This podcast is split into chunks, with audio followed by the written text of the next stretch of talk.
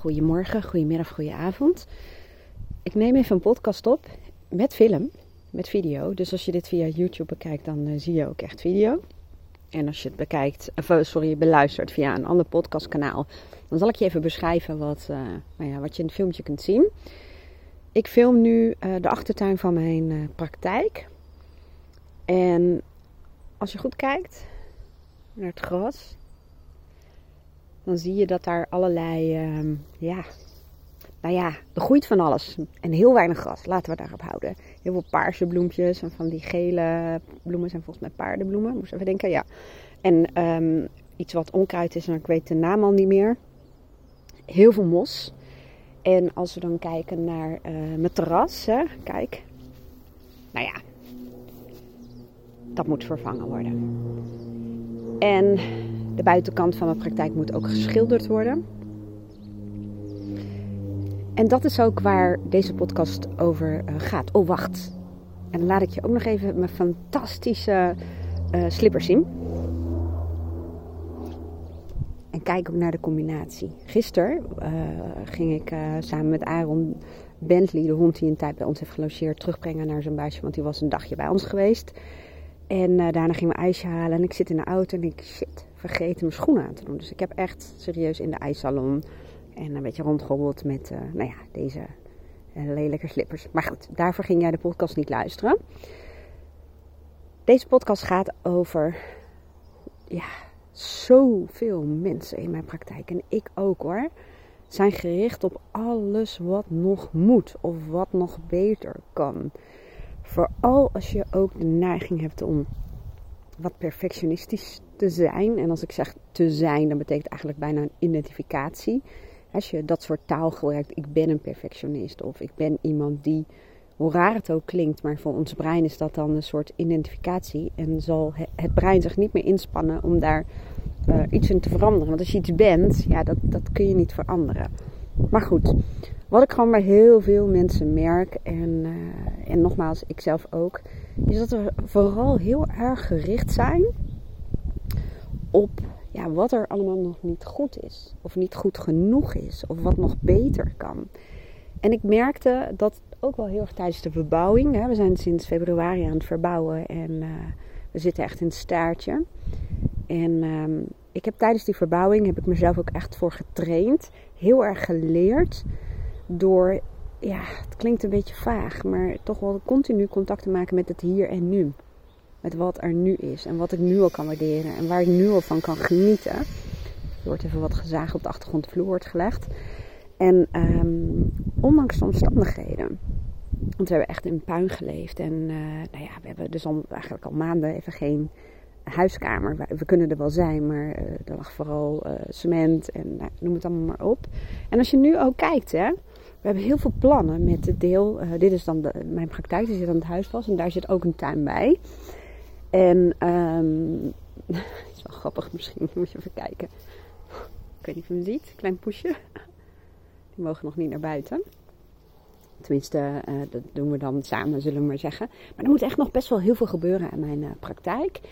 En aan de tuin. Ik heb het idee om uh, zo'n bomenlaantje met fruitbomen te maken. Het terras moet vernieuwd worden. Ik wil, ja, we willen er echt iets leuks van maken. Ik ga even bij zitten. En dan zie je misschien ook mijn schaaltje waar net groente in heeft gezeten met tonijn op lekker geluncht.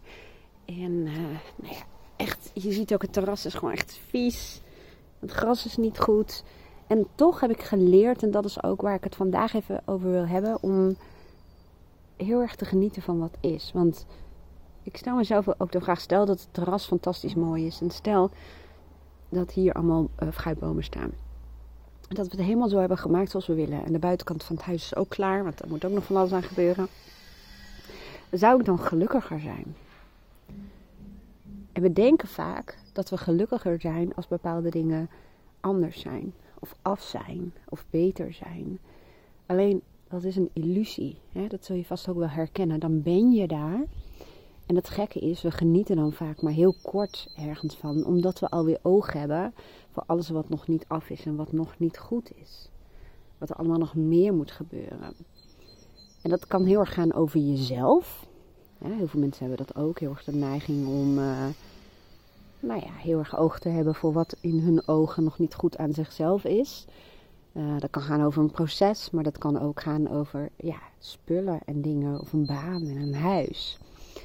En ik heb sinds dit jaar, ik heb daar echt een beslissing in genomen. Vorig jaar ben ik daar zo gigantisch mee mijn bek gegaan in 2020. Ik denk bijna wel drie kwart jaar. En ik zo erg in die valkuil gestuiterd. Daar heb ik echt, daar woonde ik in die valkuil. Om alles maar meer, meer, meer, meer. Met een hele geforceerde energie. En ik was nooit tevreden. En ik had ontzettend veel doelen en targets. En ik was dus continu in de race naar de toekomst, naar het volgende. En ehm, los van het feit dat dat best wel uitput, is dat ook niet heel fijn. Want waar doe je het uiteindelijk allemaal voor? En ik heb mezelf dus echt getraind, en dat doe ik nog steeds. Of ja, eigenlijk is het zo, als je jezelf traint op een gegeven moment, dan is het, dat noemen ze dan, dan ben je onbewust bekwaam. Dan is het eigenlijk al verankerd. En ik voel sinds januari dit jaar zo'n diepe rust. Echt een soort van transformatie die ik heb doorgemaakt. En ik kan zo erg genieten van het nou ja, ogenschijnlijk imperfecte. Want kijk naar die tuinen. Als je niet kunt meekijken, dan even nog kort. Allemaal verschillende soorten bloemetjes. Maar volgens de meeste mensen zouden die hier niet moeten. Omdat het uh, een strak grasveldje uh, zou moeten zijn. Nou, er zit heel veel onkruid in, heel veel mos. En toch kan ik tijdens mijn lunch nu, zit ik heerlijk met die lelijke slippers. Heerlijk op het terras. Het is warm, de zon schijnt, de lucht is blauw. Ik zie allemaal prachtige bloemetjes. Ik heb heerlijke lunch gehad en ja, dit is echt super geluk. Dit is gewoon geluk, de vogeltjes. En ik heb het als het ware een soort van losgekoppeld. En dat is natuurlijk niet helemaal waar, hè? want ik, ik, ik zit hier, ik kan hier enorm van genieten omdat we in het bos zitten, omdat het zonnetje schijnt, eh, omdat ik buiten kan zijn, omdat het warm is. En natuurlijk allemaal condities, dat is waar. Maar het zijn wel condities die er zijn in het hier en nu. En uh, ik heb het als het ware losgekoppeld van het feit dat ik me heel erg bewust ben dat overal onkruid staat en dat het allemaal beter kan. Ja, dan ga je waarschijnlijk vragen: hoe heb je dat gedaan? Nou, ik kan je vertellen, dat is een proces en ik kom er waarschijnlijk nog wel een keertje op terug in een uh, podcast. Maar um, het begint met bewustzijn. Alles begint met bewustzijn. Van uh, stel dat je inderdaad heel erg bezig bent met wat nog beter moet en beter kan en wat nog vernieuwd moet worden, of noem het allemaal maar op. Probeer jezelf dan ook de vraag te stellen: wat verandert er dan? Wat, wat verandert er in mijn gevoel? En wat voor gevoel hoop ik daarmee te kunnen uh, opwekken. stel dat je dan een mooi terras hebt en een prachtig strakke uh, grasmat. Hè? Wat verandert er dan in mijn gevoel? Wat voor gevoel gaat mij dat geven? En door dat soort vragen te stellen, um, weet ik dus waar mijn behoefte ligt. En dan ga ik op dat moment kijken, hoe kan ik dat gevoel nu al ervaren? En uh, binnen de condities die er op dit moment zijn. Wat kan ik nu al waarderen? Waar kan ik intens dankbaar voor zijn op dit moment? Dat soort vragen stel ik mezelf. Dat soort bewustzijnsoefeningen doe ik en heb ik heel veel gedaan. En ik denk dat dat wel eventjes, ik weet het niet mooi te zeggen, maar de grootste sleutel is. Dus waar ben ik nu al dankbaar voor? Wat kan ik waarderen? En realiseer je ook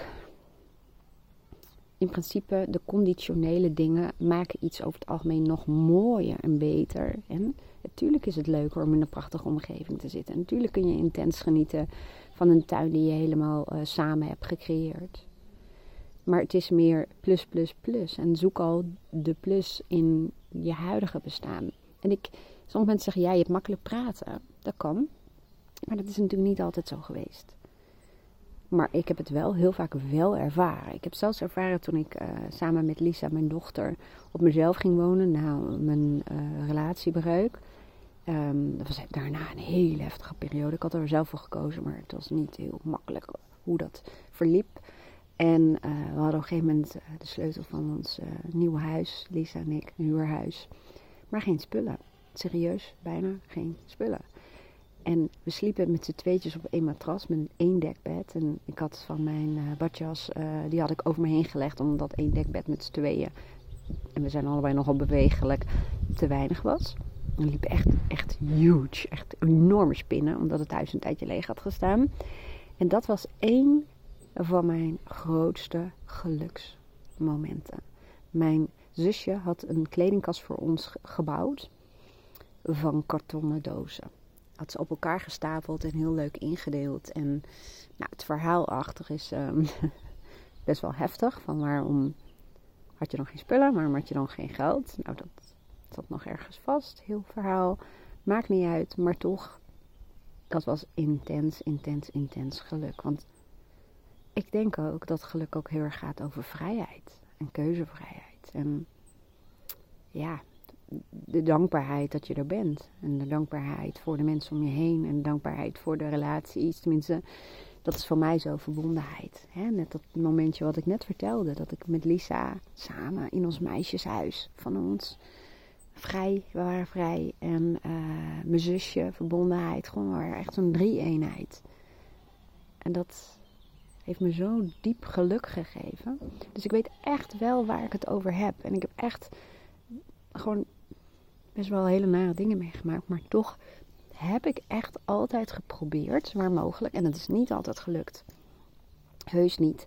Maar wel mezelf de vraag stellen: waar ben ik nu gelukkig voor? En ik weet uh, mee. En ik weet dat mijn ex zei een keertje, um, Italiaan waar ik vier jaar mee samen heb gewoond, van ik kan het geluk uit een simpel grassprietje halen. En die zin, ja, die heeft me wel geraakt. Toen dacht ik, ja, dat kan ik ook. Ik weet nog wel dat, dat, dat ik pendelde tussen uh, nou ja, twee huizen. Het huis waar ik met mijn toenmalige ex en vader van mijn dochter woonde. En het huis van mijn vader en zijn toenmalige vrouw. En uh, de auto was een soort uh, tweede verblijfplaats van mezelf geworden. En ik creëerde echt van die momentjes dat ik wat drinken had. En bijvoorbeeld een tijdschrift. En dat was in de tijd de mobiele telefoon nog niet zoals als nu. En dat ik ergens de auto kon parkeren. En dat ik zo intens kon genieten van het gewoon even alleen zijn. In een soort veilige omgeving, die auto. Dus het gaat ook om zoek daarna. Zoek daarnaar. Heb er oog voor. Kijk om je heen. Wat is al goed? Waar kun je al van genieten? Wat kun je al waarderen? En doe dat ook naar jezelf. Wat kun je al waarderen in jezelf? Ben je niet blij met je lichaam? Kijk dan naar alles wat wel werkt je lichaam dient jou. Kijk dan wat werkt, wat je lichaam voor jou betekent. Wat je ermee kunt doen. Het klinkt misschien allemaal best wel heel erg uh, of vaag. Maar in mijn beleving is dit wel waar geluk over gaat. Nou, ik hoop dat je er wat aan had. Als dat zo is, dan uh, nou, laat even een reactie achter. Of een review. En uh, ik wens je een hele fijne dag en heel graag tot de volgende podcast. Doei!